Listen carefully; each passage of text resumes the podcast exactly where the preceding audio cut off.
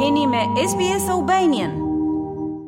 Të enjten në kryeqytetin gjerman, gjashtë liderët e vendeve të Ballkanit Perëndimor kanë nënshkruar tri marrëveshje në kuadër të procesit të Berlinit që kanë të bëjnë me lirinë e lëvizjes me letërnjoftime, njohjen e diplomave të arsimit të lartë dhe njohjen e kualifikimeve profesionale. Kancelari gjerman Olaf Scholz në konferencë për media pas mbajtjes së samitit të Berlinit ka thënë se gjithmonë ka qenë pro zgjerimit të Bashkimit Europian dhe përfshirjes së gjashtë shteteve të Ballkanit Perëndimor. Scholz ka folur edhe për dialogun Kosovë-Serbi, më konkretisht për draftin franko-gjerman. Ne dhe qeveria franceze jemi duke munduar që ta bëjmë të arritshme, të realizueshme dhe shpresojmë se shumë shpejt të kemi një proces ku të dy qeveritë do të lëvizin përpara dhe do të arrihet një marrëveshje. Kjo kërkon një fuqi të madhe për arritjen, por edhe një durim të madh për arritjen e një marrëveshje. Për planin e ri franko-gjerman ka folur edhe kryeministri shqiptar Edi Rama. Ai tha se ky plan paraqet një mundësi tejet të mirë jo vetëm për Kosovën e Serbinë, por për të gjithë rajonin e Evropën. Plani i ri gjerman e francez që i ofrohet Serbisë dhe Kosovës është një mundësi tejet e mirë jo vetëm për Serbinë dhe Kosovën, por për gjithë rajonin e Evropën, si dhe me të vërtetë shpresoj që të dyja palët ta marrin seriozisht.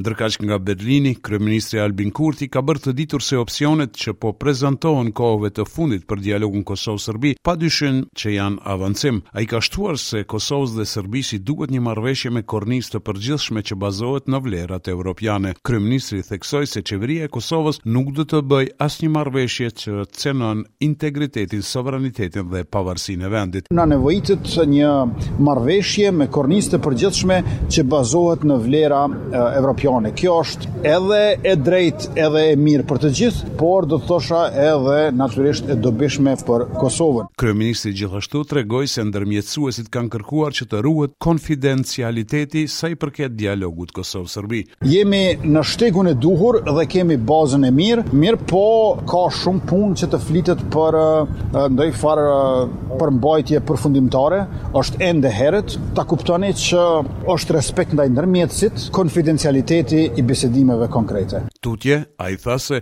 Është i gatshëm të takohet me Vuçiqin kurdo që ka ftesë nga ndërmjetësit. Kurti foli edhe për masat të cilat do të hyjnë në fuqi pas njëzet e një nëntorit. Ai tha se pengesa nuk është mos informimi, por është terrori nga ana e Beogradit që u bëhet sërbëve të Kosovës të cilët sipas tij kërcënohen dhe sulmohen edhe me djegie të veturave të tyre kur ata tregojnë gatishmëri për t'u integruar në sistemin e Kosovës. Kurti tha se ka njoftuar përfaqësuesin e lartë të Bashkimit Evropian, Josef Borrell për djegiet e automjeteve. Pata takim edhe me përfaqësuesin e lartë të Bashkimit Evropian, zotri Josep Borrell, të cilin e informova për këto djegiet që po ndodhin të veturave dhe siç e keni parë, pas takimit ai e gjykoi, e dënoi aktin kriminal të djegies së këtyre veturave. Kryeministri Kurti, njëherët tha se Ballkani Evropian është i hapër për kryeqendrat botërore por jo për autokracitë lindore dhe verilindore. Në ditën e tretë të fillimit të qortimit të qytetarëve që nuk po ju binden vendimit të qeverisë për konvertimin e targave të automjeteve ilegale sërbe në RKS, kreu i Aleancës për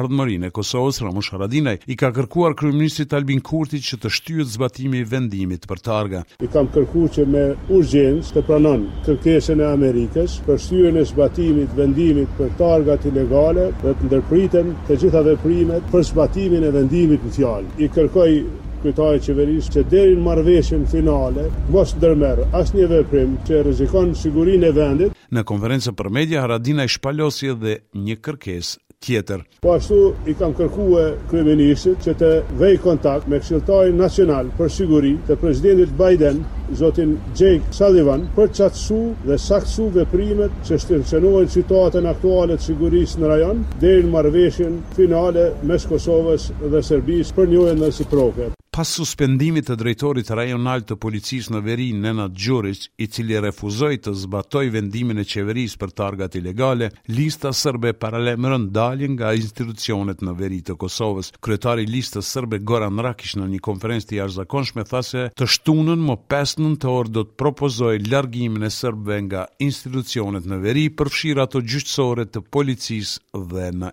institucione të tjera. Në Prishtinë ka nisur të shfaqet filmi shqiptar Sofia në regji të Eduard Grishaj, film i cili trajton raportet tradicionale mes sërbëve dhe shqiptarëve gjatë periudhave të ndryshme kohore. Filmi është i bazuar në motivet e At Zef Pëllumbit e me theks të veçantë flet edhe për mikpritjen shqiptare edhe ndaj armikut. Aty rrëfehet dashuria pothuajse e pamundër ndërmjet një vajze sërbe dhe një djali shqiptar. Sonte fillon edicioni i dytë i konferencës muzikore Prishtina Music Conference, e para e këtij lloji në rajon. Pjesë e këtij edicioni do të jenë emra të njohur që kanë kontribuar në skenën tonë muzikore e më gjerë. Qëllimi i kësaj konferencës, sipas organizatorëve, është vazhdimi i misionit për të ngritur kulturën muzikore të Kosovës dhe rajonit.